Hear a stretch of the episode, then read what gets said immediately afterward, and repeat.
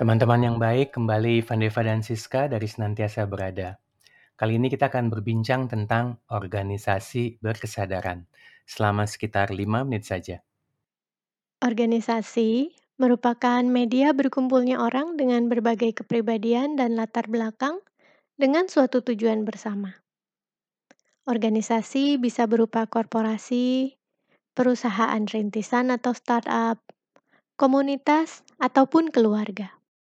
Ketika suatu organisasi berkesadaran, maka para anggotanya berlatih dan berserah dalam sadar, mengalami anugerah momen dan peran dengan jernih dan lepas, seapa adanya. Para pemimpin organisasi ini menetapkan visi dan misi yang sifatnya pemeliharaan, bukan pemenang.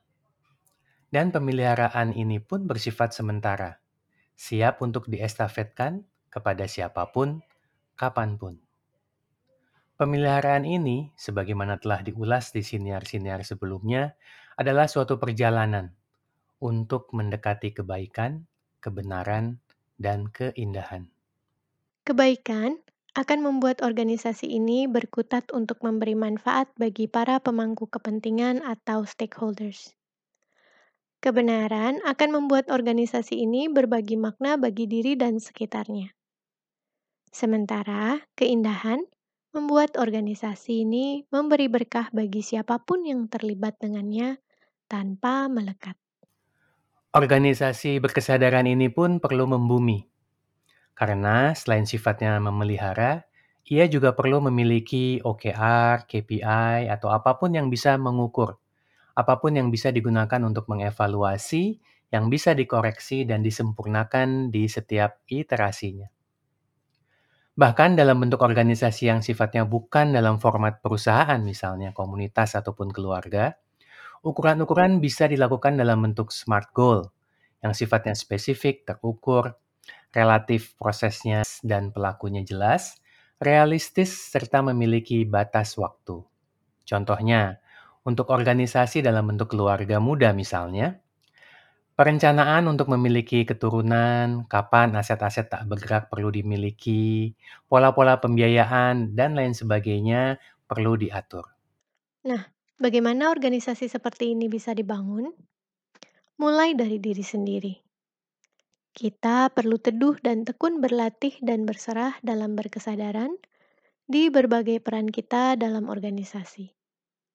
Langkah pertama ini akan mengundang siapa pun yang beresonansi untuk bekerja sama dan berlatih bersama dengan kita secara alami. Langkah yang kedua adalah dengan membangun komunitas berlatih. Dalam komunitas berlatih ini, kegiatan berlatih berkesadaran dilakukan bersama-sama, dilakukan secara rutin. Dalam kebersamaannya, forum ini menjadi ruang untuk berbagi pengalaman berkesadaran dalam keseharian, dalam konteks pribadi maupun profesi yang tentunya jika nyaman dilakukan bersama. Sebagaimana langkah pertama, langkah kedua ini akan menjadi pengingat, menjadi penyemangat bagi anggota komunitas serta pengundang bagi yang lainnya. Langkah selanjutnya adalah memasukkan sifat berkesadaran ke dalam elemen organisasi, ke dalam keseharian, proses dan sistem, juga budaya.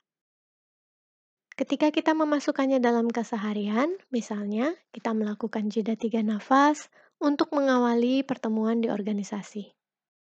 Contoh memasukkannya ke dalam proses adalah misalnya bagaimana berkesadaran diterapkan bukan saja ketika menerima, namun juga ketika melepas anggota organisasi.